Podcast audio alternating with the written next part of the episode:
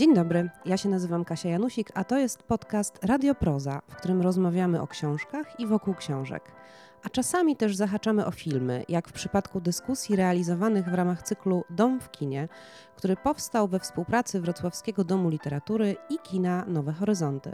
W czwartek 15 lutego rozmawialiśmy o długo wyczekiwanym filmie Jonathana Glazera Strefa Interesów oraz powieści Martina Aimisa o tym samym tytule, która stała się inspiracją do powstania scenariusza filmu. W dyskusji udział wzięli Joanna Lamparska, pisarka, dziennikarka, autorka książki Lekarze od zabijania Medyczna Gwardia Hitlera. Marcin Wodziński, historyk, kierownik Katedry Judaistyki na Uniwersytecie Wrocławskim oraz Emilia Konwerska, literaturoznawczyni, publicystka, kuratorka, poetka. Udanego słuchania. Ja na początek e, chciałabym w ogóle bardzo długo się, przez cały film, który widziałam dzisiaj drugi raz, zastanawiałam się, jak zacząć rozmowę o tym filmie. Przez chwilę myślałam, że w ogóle może nie powinno się od razu po nim rozmawiać, ale po to się tutaj spotkaliśmy. I postanowiłam za, zacząć od pytania, które nasunęło mi się, zanim obejrzałam ten film. Bo jak przeczytałam, że Jonathan Glazer, bardzo ważny dla mnie reżyser, pracuje nad filmem, który będzie opowiadał o życiu Rudolfa Hessa, czyli administratora e, obozu koncentracyjnego Auschwitz-Birkenau i jego rodziny, którzy żyli właściwie, tak jak widać w filmie, e, właściwie na terenie obozu, to trochę się przestraszyłam, że wszyscy znamy ten temat, tego, że oprawcy i naziści byli też tak zwanymi normalnymi osobami, które mieli, miały rodziny i tak dalej. I że w sumie nie da się nic nowego powiedzieć o tym. E, o tym, że to zło ma też taką normalną twarz. Ale potem pomyślałam, że może w sumie nie trzeba nic nowego mówić na ten temat. Ale jak obejrzałam ten film, to pomyślałam, że on jest trochę o czymś innym. I chciałam zapytać Państwa, czy czy, znaczy już wiem, to taki spoiler, że e, panu profesorowi film się nie podobał i książka też się nie podobała, ale wszystko z innych powodów. I chciałabym zapytać, czy ten film coś wnosi do tego tematu?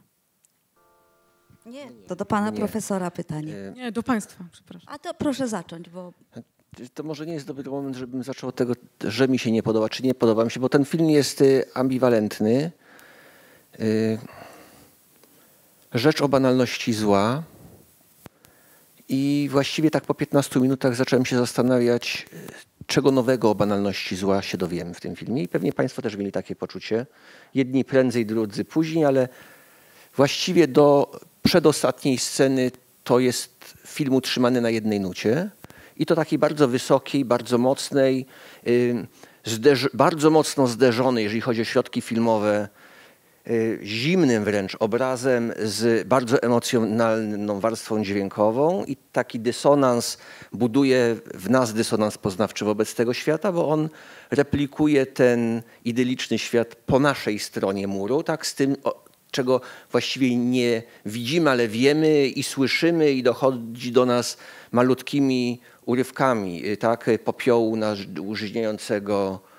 y, gdzieś tam kompostnik i my wiemy, co to za popiół, tak? Jakaś kostka w rzece i my wiemy. Więc y, y, właściwie do ostatniej, do przedostatniej sceny y, sprzątania y, współczesnego muzeum Auschwitz, y, to ten film jest właściwie na jednej, na jednej nucie. Ta przedostatnia scena trochę mi zaburzyła, jeszcze nie mam zdania na ten temat.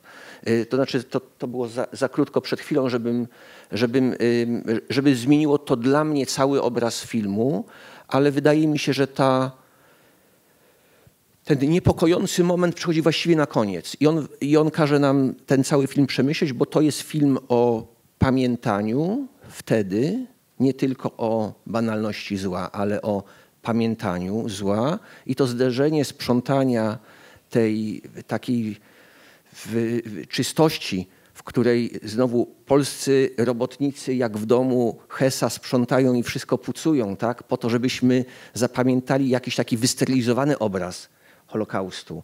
To w jaki sposób zafałszowujemy obraz Holokaustu, przygotowując y, y, wystawę do tego, żeby ją opowiedzieć w jakiś sposób. To znaczy, że tak naprawdę nie mówimy tego, nie oddajemy banalności zła czy y, mm, nie jesteśmy w stanie się odnieść do skali zła, jakie uosabia Auschwitz, to to jest taki, wydaje mi się, istotny komunikat, ale ja być może byłem z, troszkę spaczony w patrzeniu na film przez książkę. Pani mi zadała zadanie domowe, żebym ją przeczytał i rzeczywiście przygotowałem się. I tak odnosiłem jedno do drugiego. Wiecie, to jest, oczywiście wiecie Państwo, to jest najgorsze, co można na filmie zrobić, tak? Mówić, a w książce to. Ale na szczęście tutaj nie miałem takiego dylematu, bo książka jest, ona właściwie ma jedną, jedną kwestię tylko wspólną i miejsce akcji i nic więcej. Y, ale to To rozumiem, jest do tego bardzo ciekawe, że, że książka bardzo się różni od filmu, ale to zaraz o tym będziemy też pewnie rozmawiać. Y, Ja książki nie przeczytałam specjalnie, ponieważ bardzo byłam ciekawa tego filmu i wiem już, że nawet Chorowic jest tym filmem zachwycony po prostu. Bo, y, wiadomo, że on przecież przeszedł przez ten obóz. Natomiast ja mam taki problem z tym filmem, kiedy go oglądam. On robi na mnie ogromne wrażenie, mimo że w ostatniej książce tą banalność zła pokazuje regularnie. Natomiast ja oglądając ten film nie mam, panie profesorze, wrażenia, że przeciętny widz wie, o co w nim do końca chodzi, że go tak naprawdę zrozumie, bo do tego trzeba mieć jednak pewną podstawową nawet średnio zaawansowaną wiedzę dotyczącą w ogóle obozu i dla mnie ten film nie będzie na przykład kompletnie zrozumiały dla bardzo młodych ludzi, bo są tam takie drobiazgi. E, Ja wiem, że reżyser w ogóle, bo wiem to od dystrybutora, nie chce tego filmu promować jako filmu o Holokauście, o obozie. Chce absolutnie się od tego odciąć. Chce, żeby to był film y, z dużym ogólnym wydźwiękiem, żeby nawet ten obóz bardzo odsunąć, tak jak on w tym filmie odsunięty jest za ten mur, jest nieobecny. Natomiast są tam takie dwie sceny, na które bym chciała Państwu zwrócić uwagę, które dla Pana Profesora są oczywiste. Po pierwszym seansie rozmawiałyśmy y, z Eweliną o tym, czy matka Rudolfa Hessa y, wyjeżdża, ponieważ czuje na ogródku dym z krematorium, czy po prostu jest jej za gorąco i, i ma dość. Natomiast ktoś, kto zna historię obozu, doskonale umiejscowi ten moment dnia i tygodnia. Moment, w którym matka Rudolfa Hessa odpoczywa na tym ogródku, jest niedzielą po południu. Wtedy, kiedy za murem gra orkiestra y, obozowa, żeby Hessom było miło. Y, Kiedy więźniowie potem wspominają, że no, grając y, w tej orkiestrze po prostu śmierdziało im, bo, ten, y, bo to krematorium pracowało. I druga taka scena, kiedy oni schodzą nad rzekę i, i Hedwig pyta Hesa o jego wyjazd i ona pyta, czy to y, y, może zadzwoń do Himmlera. Y, On nas przecież zachęcał. Do czego on ich zachęcał? Kiedy Himmler odwiedził Hesów w domu, zachęcał ich do tego, żeby w domu było bogato. I to widać, że to bogactwo oni sobie tam ściągają w różny sposób. I y, był taki drobny problem, bardzo przyklejony z Hesem, przylepiony, że on trochę za dużo jednak sobie tam y, tych dóbr przywłaszczał. I y, ja patrzę na ten film właśnie troszeczkę pod tym spaczonym kątem, ponieważ obserwuję, jak reżyser odrobił lekcje, jak te wątki tej kochanki Hesa i inne są tam pociągnięte, jego najstarszego syna, Klausa, który, jak mówi ono, o nim był łobuzem. Natomiast wydaje mi się, że mówienie o, o banalności zła to chyba nie jest nigdy dosyć, dlatego że to jest dla mnie film o obojętności i o czymś, czego nie mogłam zrozumieć, pisząc lekarzy od zabijania, że człowiek idzie do pracy, bo dzisiaj musi zabić 10 tysięcy osób akurat, a potem wraca i no, słynne pamiętniki z Auschwitz, dzisiaj aukcja specjalna, obrzydliwe kobiety, które są wychudzone, y, a po południu budyń czekoladowy czy waniliowy, o ile dobrze pamiętam te pamiętniki. Więc ja tak patrzę na ten film. Patrzę na ten film jak na wielki film o obojętności i o pewnym rozłączeniu się na pracę, która jest okropna w tym wypadku, i na rodzinę, której, do której pracy y, komendant Hess nie przynosi. Mm, Jak rozmawiałam z Piotrem Czerkawskim o tym filmie, to właśnie to była nasza pierwsza myśl, że to jest film o pracy. O tym, że ym, oczywiście nie chcę nas wszystkich stawiać na równi z Rudolfem, Rudolfem Hessem, ale że po prostu ludzie uczą się separować swoją też moralność, poglądy od tego, e, co muszą robić w pracy, mam wrażenie. Dla mnie na przykład ten film, ja cały czas czekałam, to był też film o poczuciu winy, które się nie pojawia. Bo ja cały czas, kiedy mamy te sceny, kiedy Rudolf Hess zamyślony gdzieś pali papierosa albo przechadza się, on bardzo dużo chodzi. Się, wydaje mi się, że kojarzy nam się chodzenie z tym, że ktoś wtedy myśli. E, I ja cały czas czekałam na coś, co pokaże jakąś refleksję na temat tego, co się dzieje za tym murem. A potem się okazuje, że tak naprawdę on się trapi tym, że że nie idzie mu w pracy, czyli zostanie przeniesiony. Albo kiedy żona w łóżku mówi w pewnym momencie do niego Rudolf, to wiadomo, ja myślałam, że tam padnie jakaś kwestia, a ona pyta, czy pojedziemy jeszcze do tego kurortu do Włoch. I dla mnie to był film o tym, jak wielkie mamy jako ludzie umiejętności dysocjacji i odłączenia się od tego, co się tak naprawdę wokół dzieje ale ja myślę też, że to jest trochę film dla mnie przynajmniej, nie wiem jakie zdanie ma pan profesor, że jest to film o korporacji po prostu. O korporacji, która jest za murem i w której y, y, tutaj bym chciała jakby dwa przykłady pokazać. Po pierwsze, y, rzadko się o tym mówi, że w Auschwitz normalnie były światła, należało przestrzegać ruchu drogowego. Tam się o wszystko dbało, tak jak Hess dba o te bzy, żeby było po prostu ładnie. Ale on też dodaje później, żeby nie było tak, że one nie, nie wystarczą na długo, czyli tam jest jednak taki podejście bardzo praktyczne do tych bzów, y jak do wszystkiego właśnie. To jest jedna rzecz, ale kiedy patrzę na tę scenę, gdy wszyscy przychodzą do Hesa, żeby złożyć mu, złożyć mu życzenia na urodziny, to przypomina mi się taka historia z Auschwitz lekarza, 27-letniego, bo akurat ci lekarze to na ogół byli bardzo młodzi ludzie. Hes też był, zdaje się, o ile pamiętam, po 40, tak troszeczkę dopiero. I tam jest taka historia w Auschwitz młodego lekarza, belga z pochodzenia, e, Hansa Delmot. I Y, Hans Delmot zostaje, no, oni mają dyżury, no jak w pracy, przy selekcjach. Przy selekcji musi być zawsze dwóch lekarzy. I Hans Delmot dostaje swój przydział, ma swój dyżur pewnego dnia i on patrzy na te selekcje, bo to też dzięki temu, o czym jest mowa w filmie, możemy tą drugą część filmu, kiedy Hes wraca do obozu, jest to wiosna 44 roku, zaraz w maju zaczną się, y, zaczną się transporty z Węgier i y, Hans Delmot mówi, że on nie będzie brał udziału selekcjach, ma torsję, bardzo źle się czuje. No i najpierw zostaje do niego wysłany starszy kolega po fachu, czyli dr Józef Mengele, który go nie przekonuje. Potem zostaje wezwany do komendanta i kiedy komendant Hansa Delmot nie przekonuje, zostaje wezwana do obozu Auschwitz jego młodziutka żona, żeby mu przemówiła do rozumu. I on wraca do pracy, y, potem popełni samobójstwo w 1945 roku. Ale to też widać, jaką oni są wszyscy rodziną. Dbają o to, żeby ta praca jednak odbywała się w sposób należyty. Dlatego nazywam to, widziałam, że pan się obruszył, ale ja to nazywam trochę korporacją właśnie. No, no to, to, to, to porównanie do korporacji to mnie trochę rzeczywiście y, porusza. Zwracam pa, Panią uwagę, że mówimy o rzeczywistości pozafilmowej teraz. I y, tak w tym filmie jest znacznie więcej odwołań historycznych. Mamy wątek związku Hesa z Bormanem. Oni tam y, 20 lat wcześniej wspólnie popełnili przestępstwo. Hess zdaje się krył Bormana, Borman później wspierał karierę. Te wątki się pojawiają w filmie. One się pojawiają też w książce y, i tutaj wracają. Y, takich mikrohistorycznych elementów y, dla smakoszy, i to celowo biorę w cudzysłów, to jest oczywiście w tym filmie więcej. Jak ktoś zna historię Holokaustu, historię Auschwitz, to je będzie odnajdywał. Tylko dla mnie pytanie jest, co z tego? Znaczy, co to zmienia w przekazie tego filmu?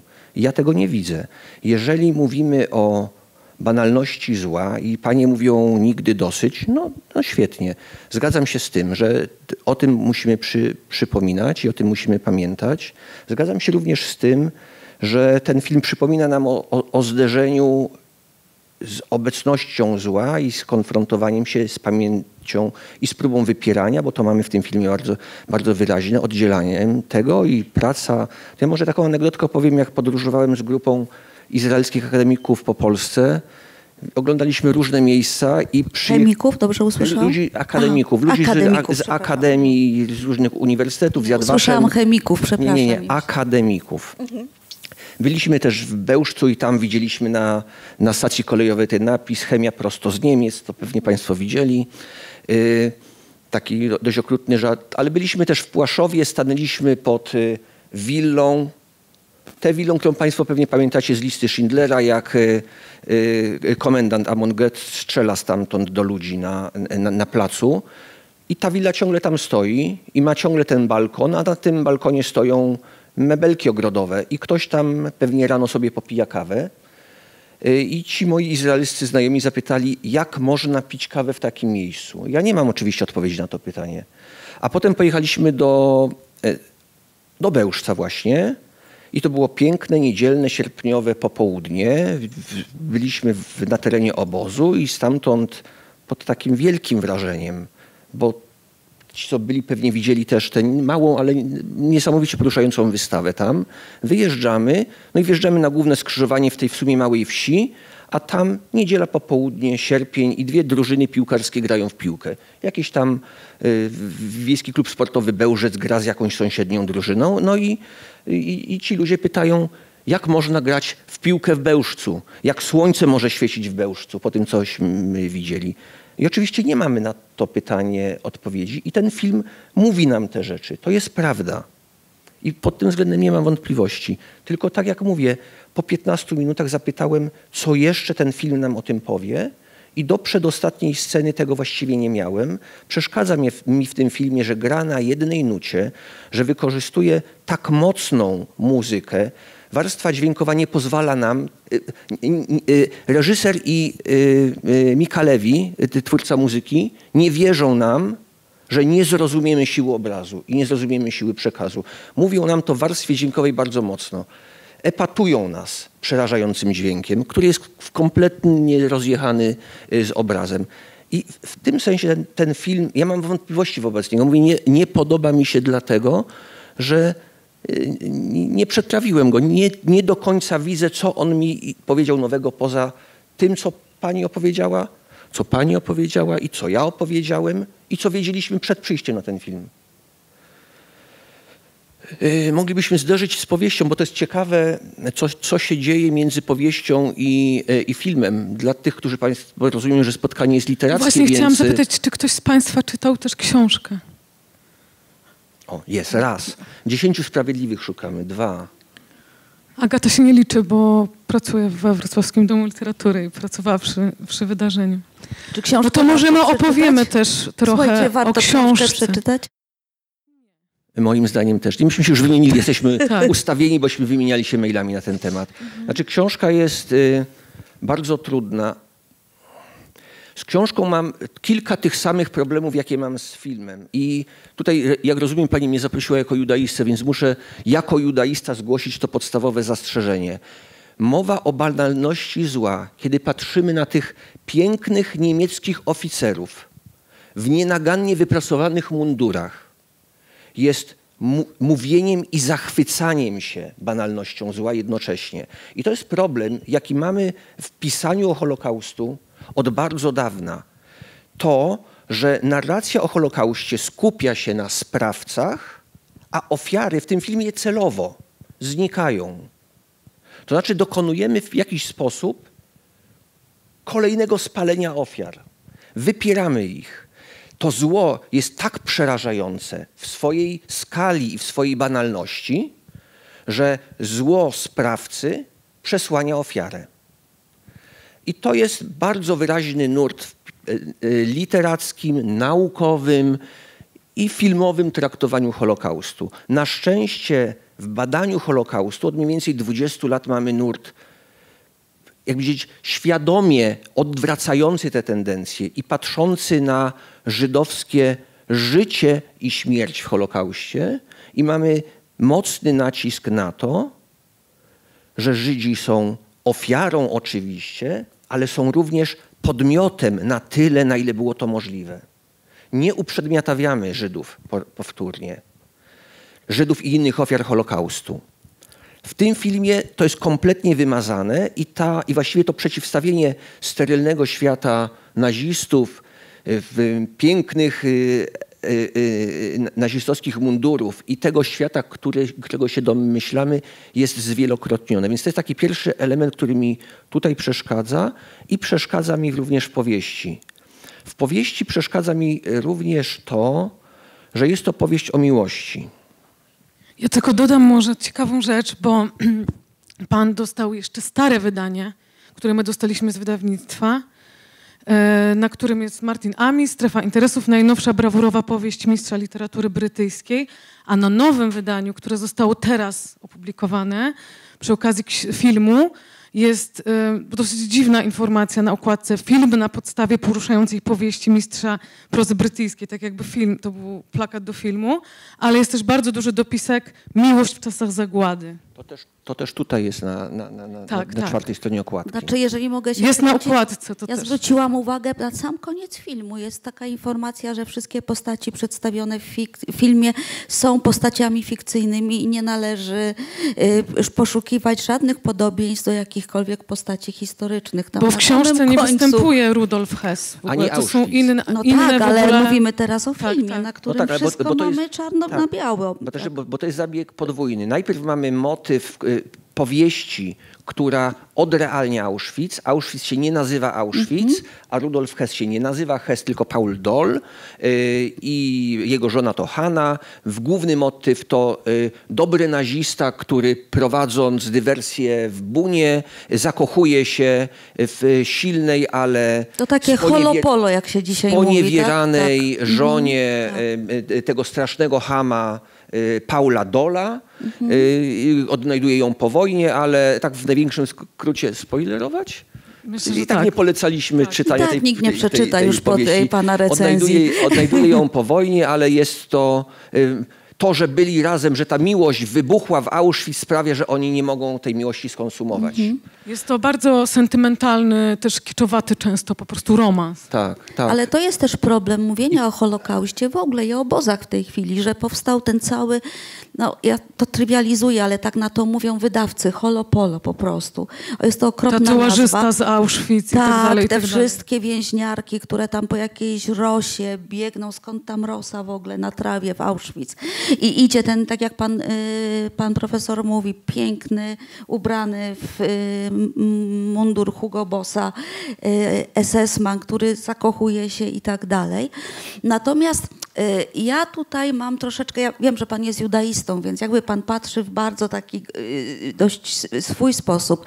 Natomiast ja przeglądając, to pewnie państwo wszyscy o tym wiecie, archiwa Degop węgierskie, tam, słuchajcie, okazuje się, że na przykład taki Józef Mengele, który był niewysokim mężczyzną, o lekko śniadej cerze, ciemnych włosach, miał jakiś problem z tym, że ta jego uroda nie jest do końca aryjska i więźniowie, bywa, że mówią o nim, że był wysokim, pięknym blondynem, o niebieskich oczach że nagle ze względu na swoją tą omnipotencję w obozie, na to, że mógł z każdym zrobić wszystko, stawał się tym właśnie idealnym, pięknym wrogiem, y, pięknym mundurze, zawsze odprasowanym i zawsze, i zawsze takim właśnie typowo, y, typowo aryjskim.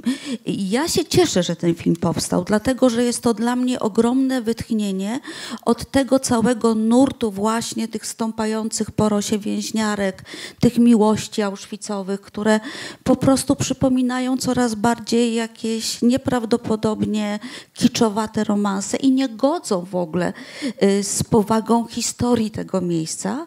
To jest pierwsza rzecz.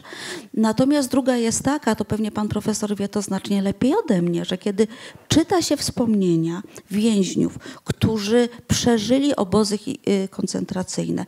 Ja akurat jestem po świeżo po lekturze y, wspomnień więźniów, akurat z Grozrozen, czyli z tego rejonu, to w ogóle język, jakim oni opisują y, i oprawców, i życie obozowe, to jest zupełnie inna jakość. Oni zupełnie inaczej do tego podchodzą, często nazywając oprawców bogami w cudzysłowie, ale oni patrzą na nich jak na takich kompletnych, bezwartościowych y, bandytów, którzy nie mają sumienia, duszy, serca. I nie patrzą na nich jak ludzi, jak, na ludzi, więc bardzo mi się wydaje, warto wracać, jeżeli, no, tak jak Pan mówi, dla koneserów, do tamtych wspomnień. Natomiast cieszę się, że ten film jest taki wyważony i nie mam takiego poczucia, że on gloryfikuje w jakiś sposób y, tę elegancką część, y, czyli eleganckiego oprawcę, bo jednak za nie, tym... Nie, nie powiedziałem o gloryfikowaniu, mówiłem o fascynacji Fa y złem, fascynacji złem absolutnym i skupieniem takiej wręcz chorobliwej uwagi na tym, Mhm. Tak, ale czy może zafascynować mężczyzna, który, y, który chru, chrumie jak świnka do żony na tym łóżku? Ja myślę, że i jest tam parę takich scen, które pokazują nam, że to nie jest fascynujące zło, że to jest ktoś, kto przybrał maskę, y, bo jest i tak zły i wykon... może nie jest zły, jest po prostu konformistą, wykonuje rozkazy, to jest jego praca. Natomiast obudowuje się tą tarczą tego, tego czegoś, o czym Pan mówi. To jeżeli mam mówić o dobrych a, a elementach, bo chyba wyszedłem na strasznego malkontenta, to o, Ma oczywiście Pan prawo. jest w tym filmie kilka, kilka y, y, ciekawych m, m, momentów i w, również w porównaniu z książką to rzeczywiście postać Hesa podwójnie fikcyjna, bo tak jak mówiłem, to jest y, Paul Doll z powieści, który zostaje przy pomocy kilku y, faktograficznych elementów. I tutaj nawet widzimy momentami taką wierność, jeżeli chodzi o wiek dzieci, liczbę dzieci i takie inne elementy, on jak widzieć przywrócony. Ten, ten y, Rudolf Hess jest w filmie może troszkę bardziej wieloznaczny niż w powieści, w tym sensie to jest to jest jakiś aspekt, który pozwala nam popatrzeć na niego jako na człowieka, właściwie w jego małości, ale też, też w takich normalnych zachowaniach i jakby gdzieś znowu spojrzeć na, że to człowiek zrobił, tak? że to nie jest jakiś e, nazistowski Bóg albo jakiś kompletnie zdeprawowany ktoś, kto nie ma kompletnie ludzkich odruchów. To w tym filmie rzeczywiście jest, e, jest wyodrębnione, takie wyciągnięte. I drugi motyw, który delikatnie w filmie się e, pojawia, a ostatnio chyba jest trochę słabiej widoczny w pisaniu o Holokauście i naukowych studiach, to jest ten rabunkowy aspekt Holokaustu. On się tutaj pojawia y, i to dobrze, że, że, że, wraca, bo to nie jest tak, że, że powinniśmy oddzielać, y, y, bo ten rabunkowy aspekt właśnie troszkę ściąga z piedestału tego, tego nazistowskiego Boga i ten motyw, kiedy się pojawia futro, coś tam, prawda, którą, Diamenty którą, w paście. którą Hedwig tak. znajduje, to to są takie elementy, które rzeczywiście przywracają nam myślenie o Holokauście nie tylko jako absolutnym złu, jej obsesji, y, y, nazistowskiej y, obsesji antysemityzmu i zabicia wszystkich Żydów, ale również pokazują ten przerażający przemysł rabunkowy z tym związany, więc tak, to jakby mm. mówił, miałby mówić o mocnych elementach, to on w takich, w takich drobnych scenach przemyca bardzo dużo niuansów i dwuznaczności. To, na co pani zwróciła uwagę. Przy czym to są takie niuanse, które E, od, odsyłają, i to mi się chyba nie podoba w tym filmie, że one za mocno odsyłają do wiedzy pozafilmowej. To znaczy one są dostępne yy, tak. y, po hebrajsku mówiąc hamewin win. Ten, który wie, to wie, a inni no to już o nich się reżyser nie martwi. Mhm. Ja tylko, jeżeli pan już ten aspekt podniósł, to ja tylko przypomnę, bo my nigdy tego nie kojarzymy, że ta wielka akcja wymordowania setek tysięcy Żydów w tak krótkim czasie yy, w Birkenau, to tak naprawdę jest też słynna historia złotego pociągu tego budapesztańskiego, czyli tego, te, czyli tego rabunku najpierw dóbr od tej ludności, która zostaje w wagonach y, wysłana do obozu na śmierć, a tam zostawia za sobą pakunki ze swoimi y, belongings, ze swoimi no, rzeczami. Złoto, biżuterię, futra, fortepiany, meble i to wszystko po prostu sobie jedzie y, z Węgier w kierunku Niemiec. Zostaje ten pociąg zatrzymany w Austrii przez amerykańskich żołnierzy.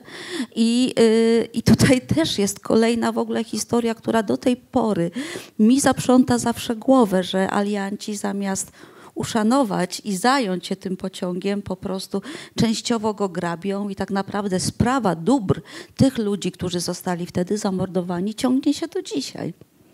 Także tak, ten aspekt rabunkowy jest tutaj no, też do, dość mocna, chociaż nie wiem, to muszę pana podpytać, bo się zastanawiam, czy ta scena z tymi zębami w ogóle może być osadzona historycznie, że one trafiają do tej Do willi. Tak, chyba nie. nie. Myślę, nie mi się, że to... Nie mam pojęcia, nie, nie, nie, nie, nie, nie mam pojęcia, nie wiem. Mhm. Chciałbym Panie podpytać, jeżeli mogę, o tę przedostatnią scenę, bo ona mi trochę nie daje spokoju. Ja właśnie też, też chciałam teraz też, o to zapytać, tak. ale chciałam też powiedzieć do Państwa, że ja jeszcze dwa pytania zadam i będę chciała też Państwu oddać głos, bo wiem, że jest na pewno dużo pytań i emocji. Ja e, chciałam zapytać oczywiście o tę bardzo frapującą scenę, która się dzieje współcześnie w Muzeum Auschwitz. Ja zaczęłam się zastanawiać, no bo jest, jeśli chodzi w ogóle o obozy koncentracyjne jako muzea i miejsca, że tak powiem, do zwiedzania turystycznie trochę, sporo głosów też krytycznych.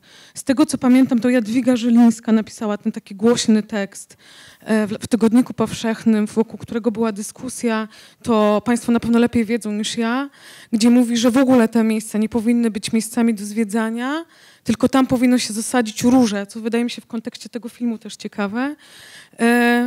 E, i ja się zastanawiałam, czy Glazer chciał zabrać głos na temat tego właśnie. Czy, czy to jest w ogóle, na ile to jest sensowne, etyczne i właściwe, żeby to oglądały wycieczki, zwiedzali ludzie i żeby ludzie też musieli tam pracować na co dzień yy, i myć tę podłogę, odkurzać i tak dalej. Więc ja zastanawiałam się, ponieważ sama mam bardzo dużo yy, wątpliwości na temat zwiedzania, nie wiem, komory gazowej z wycieczką, to zaczęłam widzieć ten głos w, tym, w tej scenie właśnie, ale może niewłaściwie.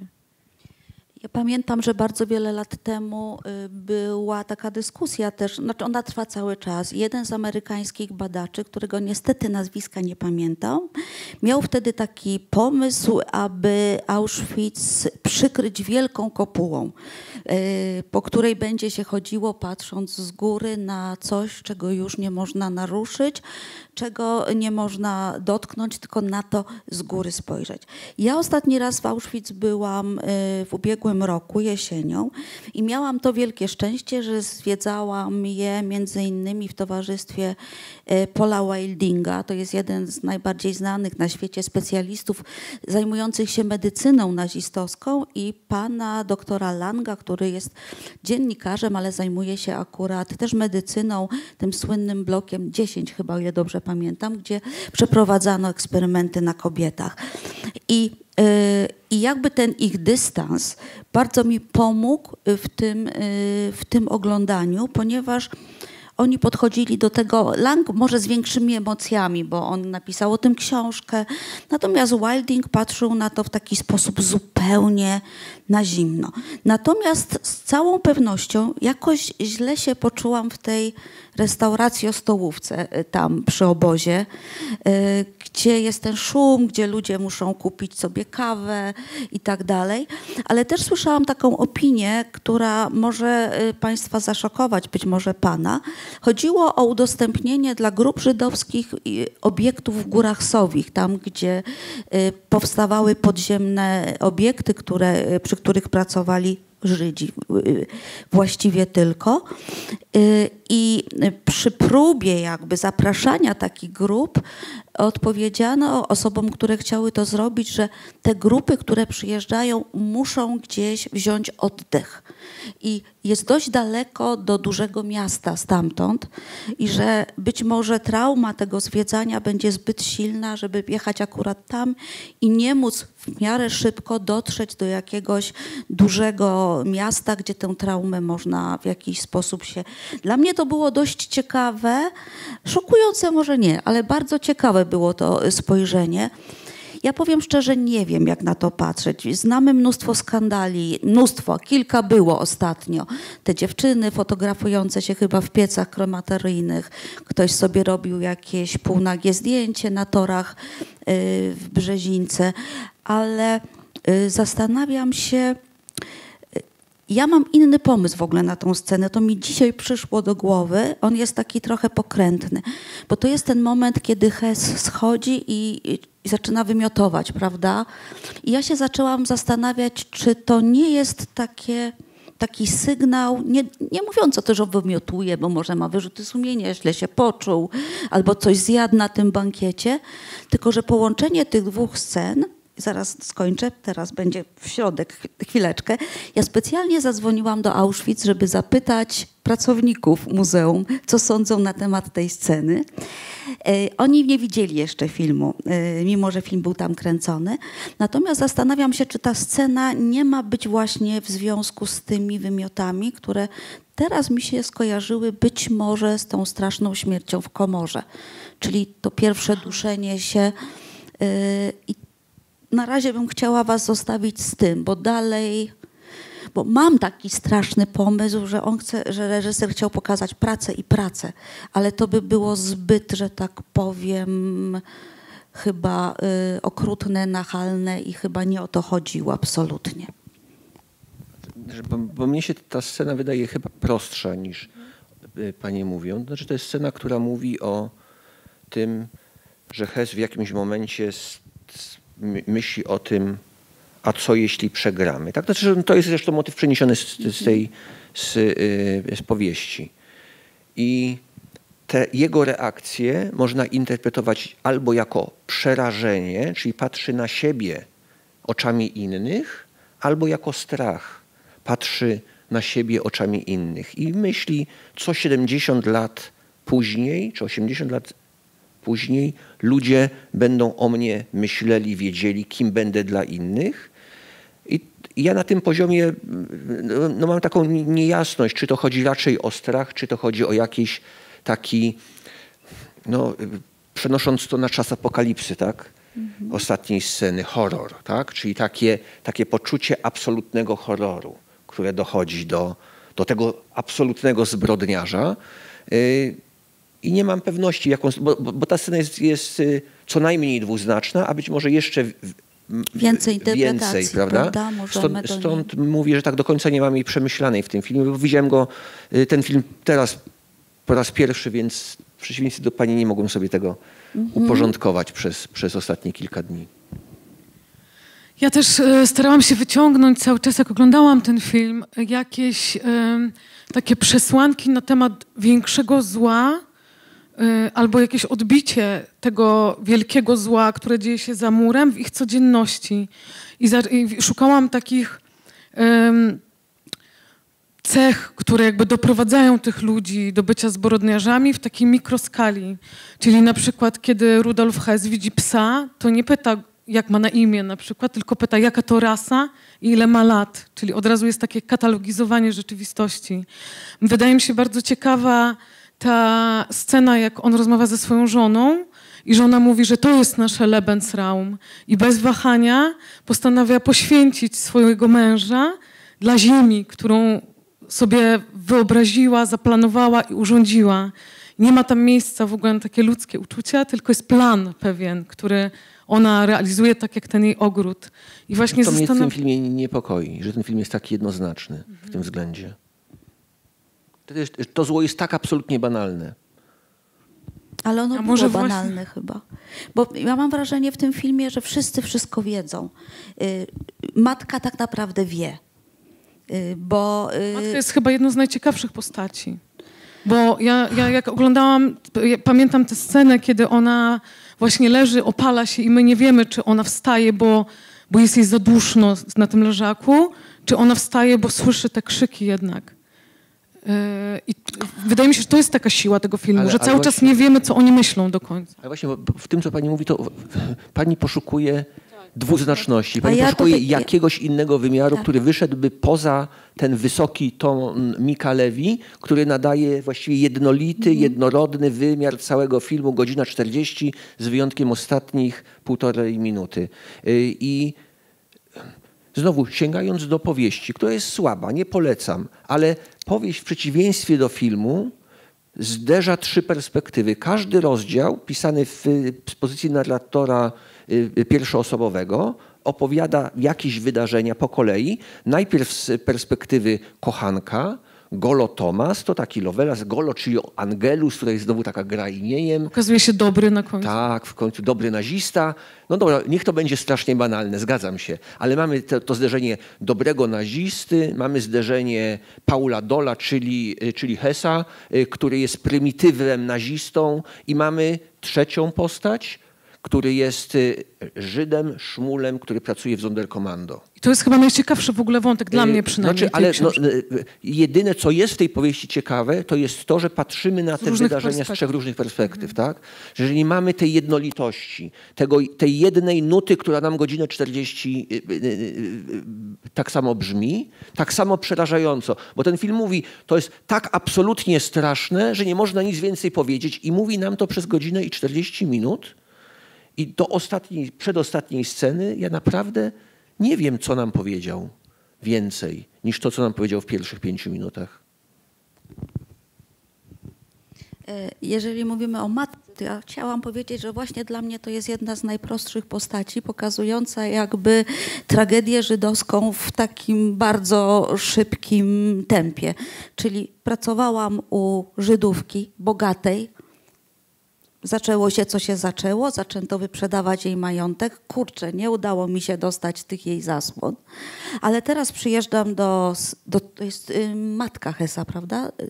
Czy nie? Czy to jest matka, Matka teściowa? żona. teściowa. Przepraszam. Teraz przyjeżdżam do córeczki i nagle orientuję się, że kurczę, jednak trochę to może za daleko poszło. I może ta moja sąsiadka tam właśnie teraz na mnie spada w formie tego popiołu. Y, I, i, I może to jest za dużo po prostu. Więc dla mnie to jest tak, znaczy ja to tak przynajmniej odczuwam.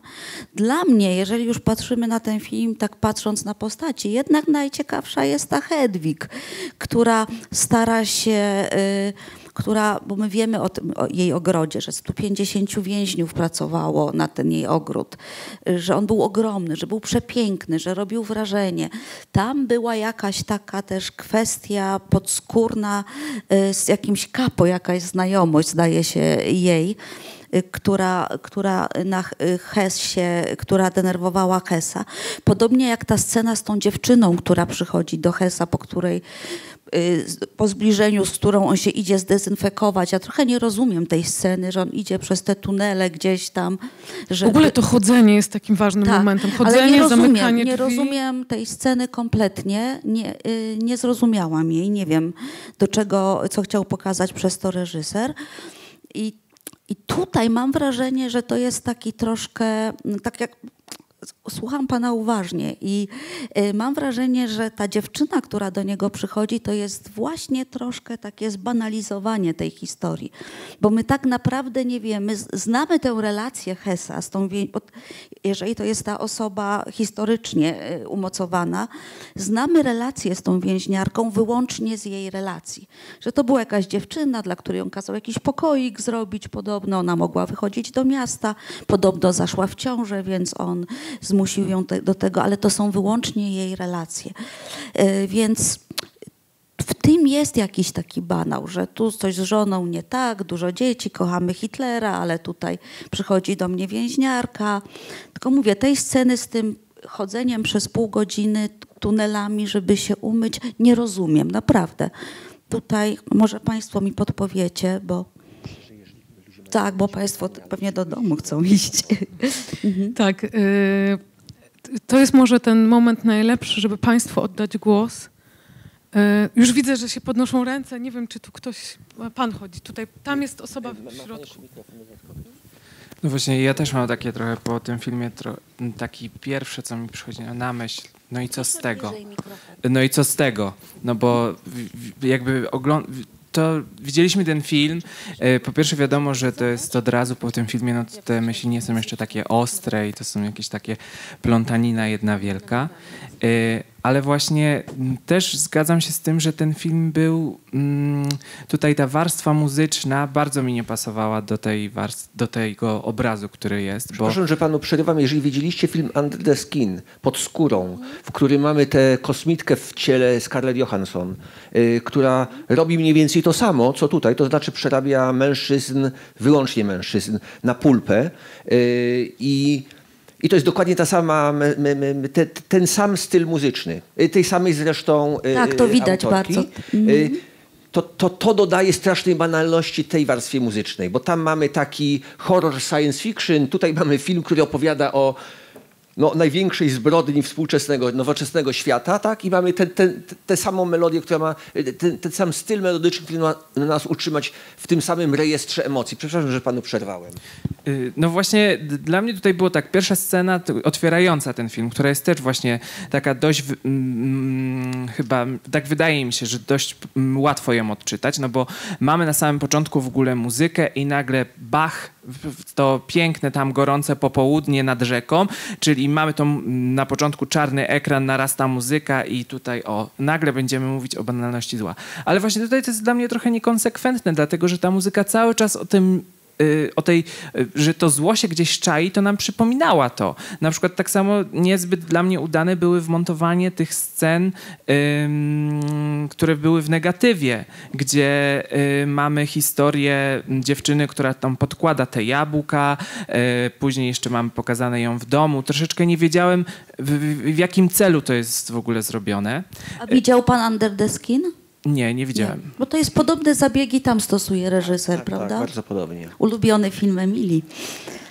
I, I powiem szczerze, że właśnie mm, też mam po, po, po- po, seansie tego filmu mam takie wrażenie, że nie, nie wiem w ogóle w jakim celu. Jakby wi- widzimy tą banalność tego zła, która z jednej strony próbuje być trochę tutaj przykryta takimi sygnałami. Zobaczmy, jesteśmy tutaj w obozie, przy obozie, przepraszam, że, że tutaj ta muzyka nas cały czas niepokoi. Cały czas widzimy te palące się, ten właśnie ten popiół. I mm, tutaj też, co odnośnie tej ostatniej sceny, to ja się w ogóle nie zgodzę, że on y, zwymiotował. Bo tam nigdzie nie widzimy, przepraszam, że tutaj tak to mówię wprost, ale nie ja widzimy też się nad tym zastanawiałam. Tak, nie żadnych widzimy właśnie tego. tak. tylko mam wrażenie, że on właśnie próbuje sobie to, te, właśnie to zło uświadomić, że on próbuje jakby, żeby to w końcu do niego dotarło, co on robi właśnie A może tam. to jest nasza perspektywa właśnie? Może, nie, nie wiem, wydaje mi się, żeby... Ja na przykład cały czas szukałam tego zła, żeby oni je zobaczyli w tym filmie, ale No właśnie, ja mam wrażenie, że on tutaj próbuje to zrobić i nawet tak, to, to jest taka właśnie takie wejrzenie w przyszłość. Bardzo mi się podoba tutaj to, co pani powiedziała, to jest dość takie mocne, ale jednak porównanie, że i to jest praca w tamtym miejscu, prawda? Sprzątamy i wycieramy szyby i to też była jego praca, który no, tutaj za, y, zabijanie ludzi i mm, po prostu maszynowo robienie tego. Mm, I też tutaj y, znowu jeszcze tylko tak chciałem dodać, że właśnie pomysły na to, jak zaadaptować ten teren, teren właśnie Auschwitz, no to też były od razu po wojnie, bo jeden z najwybitniejszych polskich architektów, czyli Oskar Hansen, on, pro, y, tam, on proponował, y, nie wiem czy z zespołem, czy nie, y, na to, aby zostawić właśnie Auschwitz tak jak jest, żeby tam tylko dobudować taką chyba bardzo długą, kilometrową platformę i żebyśmy my sobie tam z góry obserwowali, jak to powoli pochłania natura i powoli ten, ten teren się tak jakby po- powiedzmy rekultywuje, że tutaj jakby staje Tylko się czymś nowym. Jeżeli mogę wtrącić się tylko, tu jest, to jest w ogóle bardzo szeroki problem, bo jeżeli spojrzymy tu na Dolny Śląsk i na obóz Grozrozen, który miał, bo, bo nie wiemy tak naprawdę ile było tych chwili, ale liczmy, że około 100. Y, I często ja pytam, czy y, badaczy, czy y, pracowników Grozrozen, co należy z tym miejscem zrobić. Są miejsca, w których żyją ludzie cały czas. W tych barakach, blokach, no są takie miejsca. I pytanie, czy te wszystkie W tej miejsca... Willia Monageta w Tak. Czoszowie. Choć, o, chociażby, prawda? Tak. y, y, Pytanie, y, czy należy traktować obóz Auschwitz wyjątkowo w tym wypadku, czy powinniśmy jednak spoglądać na te wszystkie miejsca w taki sam sposób i wtedy dostosować y, jakiekolwiek działania właśnie do tych setek czy nawet tysięcy miejsc przecież. No, też tutaj uważam, że to jest mm, jednak, bo tutaj mm, zastanawiali się Państwo, czy mm, no właśnie co, co zrobić z tym miejscem, czy to jest ok, że tam właśnie ktoś sobie przychodzi, y, no, zwiedza to. I ja też uważam, że jednak no, tutaj wygrała ta narracja taka, żeby pokazać, że to jest właśnie, że to jest banalność zła, bo gdybyśmy to że, że tam się właśnie działo takie zło, żeby uświadomić ludzi, no, mm, mm, że tam właśnie na każdym kroku były e, tak maszynowo zrobione, że tam, tak jak widzimy w tych witrynach, tam są włosy, tam są walizki, zęby, żeby wszystko, skóra, którą można przerobić na wszystko, no, że to jest właśnie jakby też ważne w takich miejscach, żeby jednak ludziom bardzo prosto uświadamiać takie, takie rzeczy, bo no, nie, musi do nas po prostu właśnie dotrzeć też to w taki najbardziej okrutny i najprostszy sposób, mam wrażenie. Prze- Przekażmy dalej, tak. Mm, W zasadzie nie powiedziałbym chyba, że pytanie, tylko raczej trochę takie moje spostrzeżenie, podsumowanie tego, co do tej pory padło. Tu chciałbym się trochę odnieść do tej mm, maszynowości, bo tak mam wrażenie, że przyjęło się i traktowanie tych y, Niemców, nazistów, no tutaj już nomenklatura dowolna, jako po prostu geniuszy zła, którzy robią jakąś e, super fabrykę i mają wielki plan na 15 ruchów do przodu, a z tego filmu dosyć jasno wynika, że mamy do czynienia z człowiekiem o mentalności po prostu rolniczej, mega prostej. Yy, Choćby na przykład podejście do zwierząt, jak z tym pieskiem wspominanym, że no brakuje tylko, żeby Rudolf Hess tam na zęby mu nie spojrzał, czy ten pies jest jeszcze coś tam warty. E, Druga rzecz jest taka, no on nie jest zafascynowany na przykład technologią. On jak jedzie, w ogóle jedzie na koniu. On mógłby mieć motocykl, mógłby mieć rower, jeździ na koniu. E, Synów uczy jazdy konno. Jak uczy ich tej jazdy konno, to im mówi, jakie tam dźwięki wydaje bekas, jak rozpoznać czaple. To nie jest osoba, która by była zafascynowana tym, co XX wiek przyniósł, tylko on chce być e, najz- no, super bauerem po prostu. Super rolnik się znalazł, super farmer, który akurat dostał taki, a nie inny skrawek pola do obrobienia i on to pole właśnie chce w taki, a nie inny sposób obrabiać. Jest na tym balu, to mówi, ha, logistycznie, jakby tych wszystkich ludzi zagazować. No to nie jest jakieś podejście, wydaje mi się, bardzo mm, przemyślane, inżynierskie, No tylko no powiedzmy, no może nie, że uważam, że każdy rolnik takie rzeczy myśli, ale to jest właśnie taka mentalność bardzo pragmatyczna, ale nie w stronę inżynierską, tylko znacznie, znacznie prostszą. A to chyba akurat jest, jeśli chodzi o prawdziwego Rudolfa Hessa, nie, nie do końca prawda, bo on, to on chyba spowodował, że Auschwitz-Birkenau stał się największym obozem i on wprowadził właśnie cyklon B do Tak, użytku. i to w tym filmie troszkę się pojawia, kiedy są plany, kiedy on rozmawia. książce też to jest on, ważny On, on wysyłał bardzo dużo takich pism właśnie związanych z usprawnieniami technicznymi, technologii za, y, zagłady. On był takim w wielkim logistykiem ale obozu. Na drugim planie dla... To znowu, ci co wiedzą, to wiedzą, ale inni to, to mój reżyser o nich nie pomyślał w tym aspekcie. Mm? Czy ja mam wrażenie po przeczytaniu bardzo wielu różnych wspomnień, ale także, y, także relacji z procesów zbrodniarzy hitlerowskich, że to było trochę tak. Mamy pracę, jaką mamy, wykonujemy ją jak najlepiej potrafimy i módlmy się tylko o to, żeby nikt nas z tego nigdy nie rozliczył. To zresztą jest bardzo charakterystyczne. Jest taka rozmowa, kiedy Mengele wyjeżdża z dwoma kolegami. Jeden to Minch, drugi nie pamiętam, y, z Auschwitz, jadą w kierunku Grozrozem i Minch wspomina, jak Mengele jak zastanawialiśmy się w tym samochodzie między Auschwitz a Grozrozen, jak, czy, czy nie spadnie na nas jakaś odpowiedzialność. Yy, Jednak dopóki jest dobrze, to hulaj dusza piekła nie ma. Po prostu mamy dostęp do wszystkiego, co, pod, czego potrzebujemy. Do dóbr, do złota, do ludzi, do dobrej wątroby, do ludzi, do eksperymentów i tak dalej. I to wszystko jest fajne i w ogóle robimy wszystko, co nam się podoba, ale mamy gdzieś z tyłu głowy, być, że być może pe w pewnym momencie dopiero mamy z tyłu głowy, bo to na początku też tak nie jest, że nagle może być trochę inaczej i trzeba wymyślić, jak wytłumaczyć, że robiliśmy to, co robiliśmy. Ja to tak postrzegam. Ja nie widzę żadnych związany z- dylematów w ogóle tutaj. Że ktoś jest dobry, że on tam ptaszka pokochał, przytulił y, kotka i tak dalej. Zresztą ta scena z tymi ptaszkami to chyba jest wzięta, o ile dobrze pamiętam, on miał jakiegoś, jakiś SS-man mu dał swój pamiętnik czy książeczkę, w której opisywał głosy ptaków nad Auschwitz. Tam była taka historia. Więc y, ja myślę, że to nie byli ludzie, którzy mieli jakiś problem z tym, co robią. Taką mieli pracę po prostu i to jest straszne, jak sobie człowiek to uświadomi, ale to jest przerażające, ale oni uważali, że taką mają pracę po prostu. Y, Ja bym chciała kilka y, rzeczy w sumie, nie wiem, y, powiedzieć albo spytać też Państwa o zdanie. Chciałam przywołać jakby dwie pozycje, właściwie po jednej. Bardzo byłam ciekawa tego filmu, jak to zostanie tutaj pokazane. Nie wiem, czy ktoś z Państwa widział może ten serial na HBO teraz w niemieckim domu, y, bo mam wrażenie, że on bardzo dobrze, bardziej chyba historycznie, ponieważ opisuje historię takich wewnętrznych procesów właśnie w, y, Niemiec, y, w Niemczech, które między innymi przywołują tą historię podróży Mengele i Milsia do w której odbywa się ta rzekoma rozmowa, więc mam wrażenie, że on jest historycznie dużo bardziej y, wierniejszy i taki czytelny dla osoby, która rzeczywiście, no, mm, y, na przykład ja nie mam dużej wiedzy historycznej o takich szczegółach, więc dla mnie to był naprawdę porażający ten serial. E, A druga rzecz, że niedługo właśnie zostanie wydany też w Polsce, na razie jest tylko we Francji, komiks e,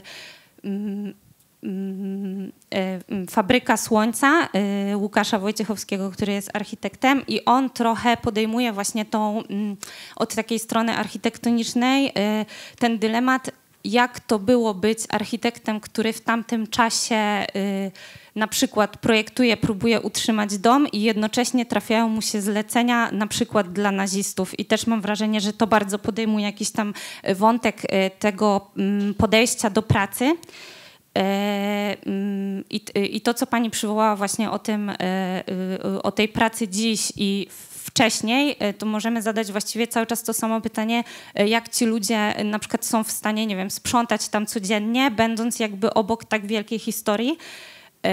Może nie powinnam tu tego mówić, ale mam osobistą taką historię e, związaną właśnie z Auschwitz, że jako e, czternastolatka pojechałam na wymianę właśnie, z, e, w której uczestniczyli Francuzi, obejrzeć razem z nimi podczas programu Auschwitz. Większość z nich jeszcze od nas młodsza wówczas w ogóle nie rozumiała totalnie tego tematu, więc my jako takie moje było spostrzeżenie wówczas, byliśmy bardzo dobrze zorientowani historycznie, porównując się generalnie, gdzie jedziemy i jaką to ma e, wagę.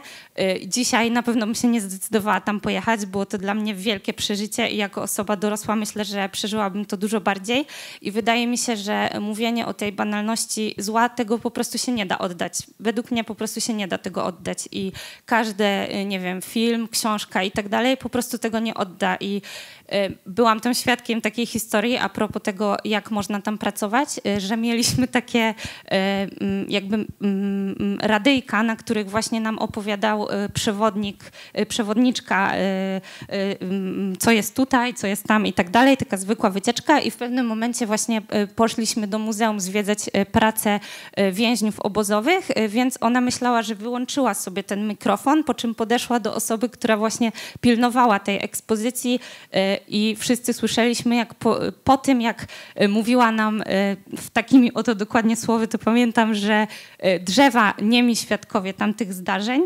podeszła do przewodniczki, po czym powiedziała do niej Marylu, jak tam wczorajsza libacja?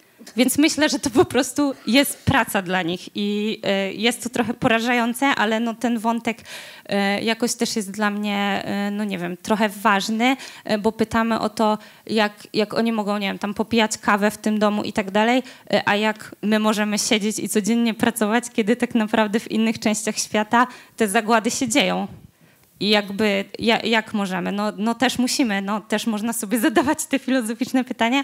I na koniec tylko chciałam powiedzieć, że o tej scenie właśnie, kiedy on wraca e, tymi korytarzami, e, to e, nie wiem, czy to jest prawda, bo, bo nie wiem, ale moje spostrzeżenie jest takie, że on później wychodzi z piwnicy do swojego domu i ja mam takie przemyślenia, że to po prostu pokazuje, jak łatwo było odbyć pod ziemią jakąś trasę właśnie do tego prywatnego domu z miejsca pracy w Auschwitz. Więc y, takie. y, I chciałam spytać, jeśli Państwo Bardzo widzieli ten, dziękuję za ten y, komentarz. ten serial, to bardzo bym chciała, że może ktoś z Państwa skomentował, czy jakie macie wrażenia po prostu po obejrzeniu tego. Bo Ja Jestem nie ciekawa. widziałem tego serialu. Ja też nie widziałam jeszcze, ale dziękuję za rekomendację. Chętnie obejrzę.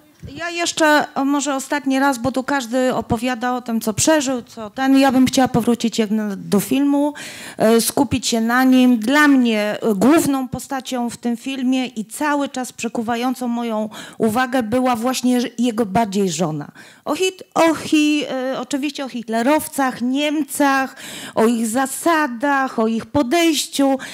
Cały czas rozmawiamy, ale nie ma, e, e, nie jest jakby nie mówimy o tych kobietach, o tych żonach, jak one siedzą, jak one się cieszą, jak one piją kawę, o tych dzieciach, które biegają wśród tych kominów, oddychają tym powietrzem. Powiedzmy sobie szczerze, teraz byśmy to nazwali smogiem.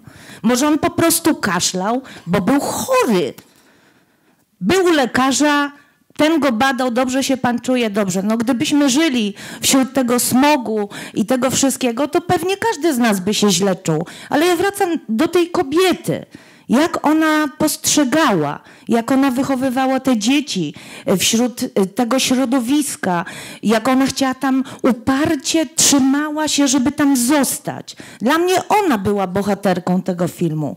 Ja jako matka nie wyobrażam sobie, czy mogłoby mnie aż tak wojna, z- może, no, no, być może by mnie zmieniła, ale że zagubione są również wśród kobie, kobiet te wartości bycia kobietą, matką, niezauważania zła, które się dzieje. No nie wiem. Dla mnie ona była bohaterką tego filmu. On był tylko, że tak powiem, na doczepkę. Wydaje mi się, że chyba akurat takich książek też było sporo, że kochanki nazistów, kochanka Hitlera i Dzieci nazistów i żonach. No to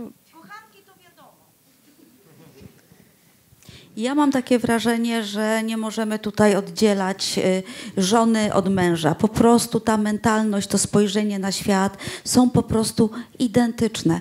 Y, Mąż ma fajną pracę. Ja z tej pracy korzystam, jest mi dobrze.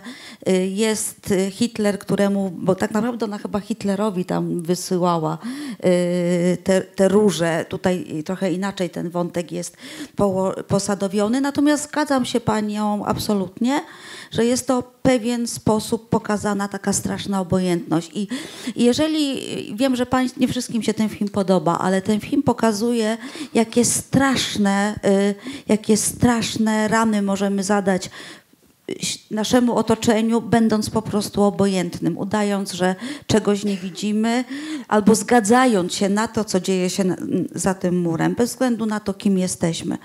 Bo, yy, bo wszyscy, którzy są w tym domu, muszą się na to zgadzać. Również ci, którzy tam pracują, chociaż oni są, nie możemy absolutnie ich sytuacji porównywać, bo oni walczą o życie. Ale tak podsumowując, bo ja myślę, że chyba będziemy kończyć, prawda? Bo siedzimy 22 już bardzo długo, że dla mnie, że dla mnie te kobiety się kompletnie nie różnią od swoich mężczyzn. To jest ten sam sposób myślenia. Inaczej by się nie wychodziło za, za mąż, za kogoś takiego i zresztą to widać w tym filmie, kiedy nie puszczają w końcu te emocje i mówi do tej dziewczyny, ty- żebyś ty wiedziała, co mój mąż by z tobą zrobił w babicach chyba, prawda? ona się też wyżywa cały czas na Tak, ona to wie po prostu i nie ma tutaj o czym mówić. Y, Zamówiłam więcej tubek, kto wie, co tam znajdziemy. No fajnie, no to jest po prostu fajne życie. No. Co, No to jest chyba dlatego też ten, stąd jest chyba ten tytuł też, strefa interesów, czyli każdy właściwie myśli o tym, co jest dla niego tu i teraz ważne. On chce awansować, być doceniony jako komendant, ona chce mieć swój ogród i futro i po prostu to są takie małe rzeczy, którymi oni... to są dla nich ważne rzeczy, po prostu. To są dla nich ważne rzeczy. Ale tu, tu chciałbym, dla, może dla tych, co nie wiedzą, Interessenzone y, czy, czy Interessengebiet to jest obszar obozów koncentracyjnych, po prostu techniczna nazwa dla tego obszaru, która mi się, że rzeczywiście tutaj też tutaj jest- ma drugie znaczenie i, i reżyser gra z tą nazwą jako y, no właśnie różnych interesów. To są również interesy dobrego życia, tak? W przypadku Hedwigi. Tak, bo tam też jest taka sugestia, że ona bywa w obozie, bo bywa w Kanadzie, prawda? One o tym dyskutują, czyli ona przechodzi przez ten mur. Ona dokładnie wie, co się za tym murem dzieje. I to jest podwójnie straszne, jeżeli patrzymy na ten film. Y, Pan profesor tu patrzy na zegarek. No nie, bo państwo też, ile możecie Tak. państwo... Tak. Jest jeszcze pytanie, jest ostatnie, da, damy radę? Albo Znaczy, komentarz. Tak, y, ja myślałem o tym właśnie, że te, te, ta scena torsji przypomniała mi em, scenę śmierci chyba Joshua Oppenheimera o ludobójstwie, ale nie będę tego rozwijać, bo to byłby trochę spoiler do tamtego filmu. Natomiast jeszcze te sceny współczesne mi się skojarzyły z tym, że przedstawienie mm, współcześnie obozu tam, akurat w tych scenach nie kojarzyło mi się z potępiającym to zdarzenie obrazem obozu, tylko uwieczniającym historycznie. I dlatego mm, myślę, że sam Hess myśli o swoim dziele jako o ważnym dziele, które przetrwa wieki z pewnością i to się potwierdziło. Więc niekoniecznie dla niego, kiedy on ma ten przebłysk i potem idzie dalej, schodzi korytarzem, to nie znaczy koniecznie, że jego coś w tym momencie ruszyło albo się czegoś przestraszył, tylko po prostu przewidział, tak, to będzie wielkie. Że przejdzie do historii. Tak, i tyle, tak myślę. Tak, znaczy, bo to jest. I, i, I dlatego ta scena jest najciekawsza w filmie, moim zdaniem, bo jest tak wieloznaczna. Mogę? E, Przepraszam, e, dobry wieczór. Ja obejrzałam ten film i e, nawiązując do wypowiedzi mojego poprzednika, zresztą świetna, dziękuję za to bardzo, bo zgadzam się tutaj z zdecydowaną większością tych uwag. Natomiast to, co usłyszałam też od Państwa. Mówiła Pani o, zresztą wielokrotnie się mówi o tym obozie, czyli o tym miejscu, gdzie odbywa się e, cała akcja. I ja miałam wielokrotnie w życiu um, możliwości, zachęty, żeby tam pojechać, zobaczyć, ale dla mnie e, świadomość tego zła jest tak wielka, że po prostu nie pojechałam tam i nie pojadę tam nigdy, bo boję się, że to po prostu zło by mnie przetłoczyło też psychicznie, dlatego ja wystarczy, że ja wiem, co tam się działo, oglądając to na filmach, czytając o tym, chociażby takie filmy, które też mówią w sposób bardziej taki fabularny, może nie, nie bardzo historyczny czy dokumentalny o tym, o, o tych potwornościach, które tam były i nie tylko tam zresztą w czasie II wojny światowej. Ym, Także mówię, to od razu jest taka moja deklaracja. Ja wiem, co to znaczy, znaczy wiem z, z wiedzy na, nabytej ogólnie, co, to jest Holokaust, do czego prowadził, a też przy okazji jak był prowadzony, bo jest to dla mnie taka akcja rzeczywiście no, zabójstwa bardzo takiego, y, tak, zresztą to też film ten między innymi pokazał w sposób taki bardzo y, precyzyjny. Nie powiem, że od razu tam trzeba było tworzyć te, tak jak teraz Microsoft Project bierze w tym udział i tam poszczególne akcje są wyznaczane terminowo, kosztowo i wiadomo jak to będzie wyglądało, mniej więcej przewidując jakieś dodatki, ale mm, sposób działania tych, ak- tych aktorów, autorów. Ja nie czytałam książki, y, pan ją odradza, nie wiem, jeszcze nie wiem czy ją... Nie odradzam, ale nie polecam. No więc no, to tak, to jest prawie dla mnie jednoznaczne, jeśli pan nie, nie poleca. Natomiast na pewno osoby, które to czytały, też zapytam wśród znajomych, czy ktoś to czytał i jak to ma wpłynąć. Rozumiem, że książka miała być podstawą do scenariusza tego filmu, dlatego musiałabym to porównać. Natomiast ja patrzę na to jako na film. Film, czyli rzecz stworzona na podstawie scenariusza przez reżysera i całą jego ekipę, y, łącznie z muzyką. I muzyka jest zaczynając od końca, to znaczy od końca, jeśli chodzi o y, sposób budowania tego filmu. Muzyka rzeczywiście jest porażająca. Dla mnie jest jednym jakby z uczestników w ogóle tego filmu i bardzo ważnym, bardzo ważnym uczestnikiem, jako że przekazuje takie emocje, które nie, których nie przekazują y, uczestnicy ludzcy. To znaczy ludzie tego nie przekazują, natomiast muzyka jest taką prawą, która to wszystko w sobie y, kumuluje i w sposób taki bardzo trafiający do tych innych zmysłów. Jeśli chodzi o y, podejście kinowe, y, poszczególni aktorzy, Rzeczywiście zgadzam się, że wiodącą rolę tutaj w tym filmie, wiodącą postacią jest Hedwig, czyli żona, która tutaj w sobie skupia wszystkie cechy tamtego społeczeństwa, szczególnie tego, które było zaangażowane w bu- w budowanie podwalin i działania potem tego Holokaustu i wszystkich jego elementów. To znaczy to jej takie bardzo konkretne życiowe zadanie.